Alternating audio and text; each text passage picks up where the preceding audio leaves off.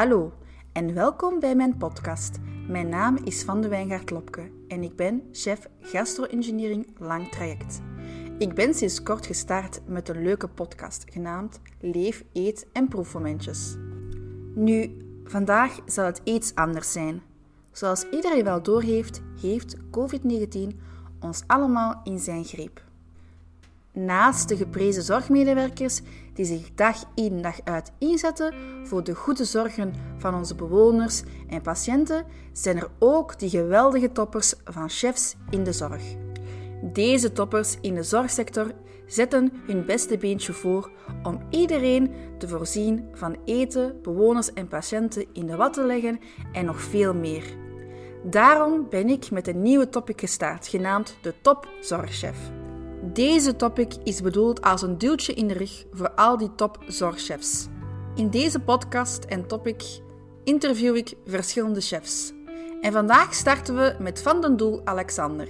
Alexander is 44 jaar, getrouwd en werkt al meer dan 23 jaar in IJsland ziekenhuis.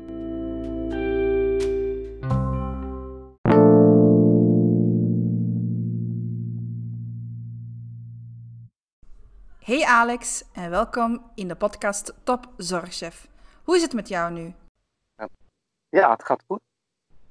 Uh, ja, ja, drukke tijd uh, in het ziekenhuis met alle uh, toestanden rond corona. ja, waarbij alles ineens van alles veranderd is.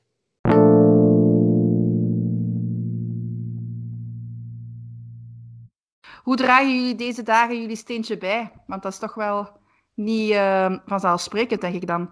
Nee, uh, sowieso uh, gaat de spoedeisende hulp vanaf morgen 27 maart 12 uur dienst draaien. Met nog een tussendienst er doorheen. Dus we werken van half acht tot half acht. En dan nog een tussendienst van 11 tot 11. En omdat die mensen dus echt niet die afdeling af kunnen, verzorgen wij ontbijtpakketjes, we verzorgen lunches en ook diner ook. Ja, daar worden extra uh, mensen voor ingezet die vanuit de food and shop in de hal. Uh, in de hal hebben wij een, een, een food and shop. En die is gesloten.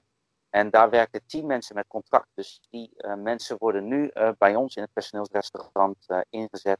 En ook in de keuken. Om, om al dit werk te verzorgen. Dus dat is echt super.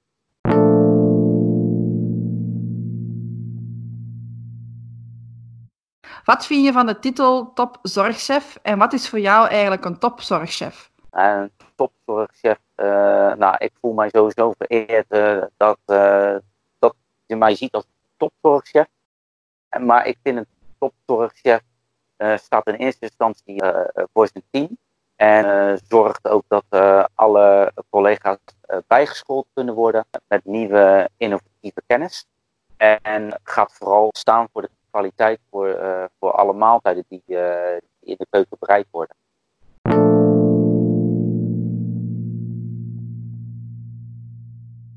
Ja, helemaal mee eens. En als je zelf iemand zou mogen nomineren, wie zou dat dan zijn? Ja, dat is eigenlijk uh, de persoon die ik zelf heb opgevolgd, omdat hij altijd voor mij een enorm groot voorbeeld is geweest. En dat is Rens Zonnega. Uh, nou, zoals ik net zeg, hij is nu, nu dus met pensioen, maar hij werkt ook nog steeds wel af en toe uh, uh, met maaltijden bezorgen, van tafeltje dekje en aan huis, et cetera. Ja, en hij is altijd ook mijn leermeester geweest en een enorm zorghart en altijd fanatiek in alles wat hij deed. Dus daarom heb ik hem genomineerd.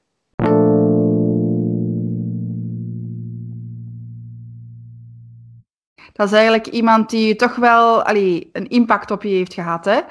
En heb je ook zo'n ervaring gehad met een patiënt? Ja, zeker. Eh, er was een, eh, een jonge vrouw die, uh, die was slechtziend en die had een gluten- en uh, lactose-intolerantie.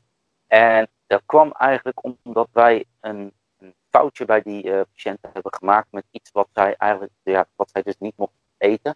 En toen ben ik persoonlijk naar die toegegaan en heb excuses aangeboden namens, uh, namens de, de, hele keten. Dat, ja, die, heeft, die patiënt heeft echt wel uh, mij geraakt. Op die, ja, ik als verantwoordelijke chef uh, ben ik naar boven gegaan naar de afdeling en met die mevrouw gesproken. En ik heel erg blij mee was, dat die vrouw daar ook mij wilde ontvangen.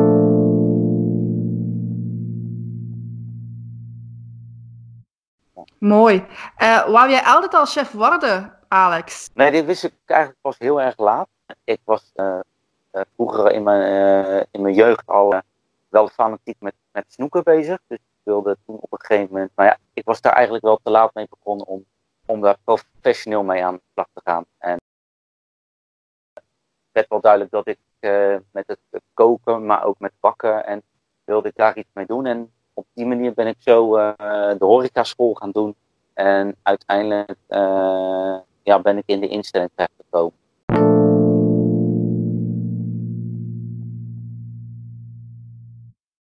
Nu, dan kom ik eigenlijk bij mijn volgende vragen met bakken en frituren.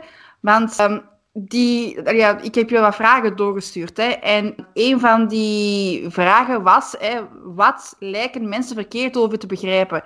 En je hebt daarop geantwoord dat ik alleen kroketten kan frituren. Ja, ik kan niet volgen. Dus dat ga je toch wel eens moeten uitleggen hoor.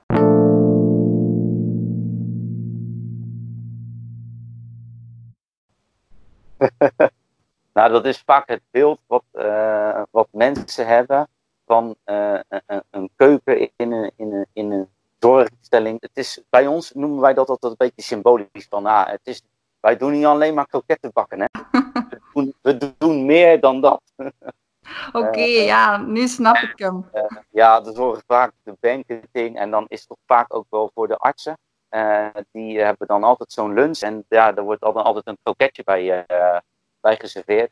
Dus vandaar is dat een beetje symbolisch van, ja, ja, maar wij zijn van, van, de catering, van de keuken, wij verzorgen van alles en uh, iedereen met eten en drinken, maar wij kunnen niet alleen maar kroketten bakken.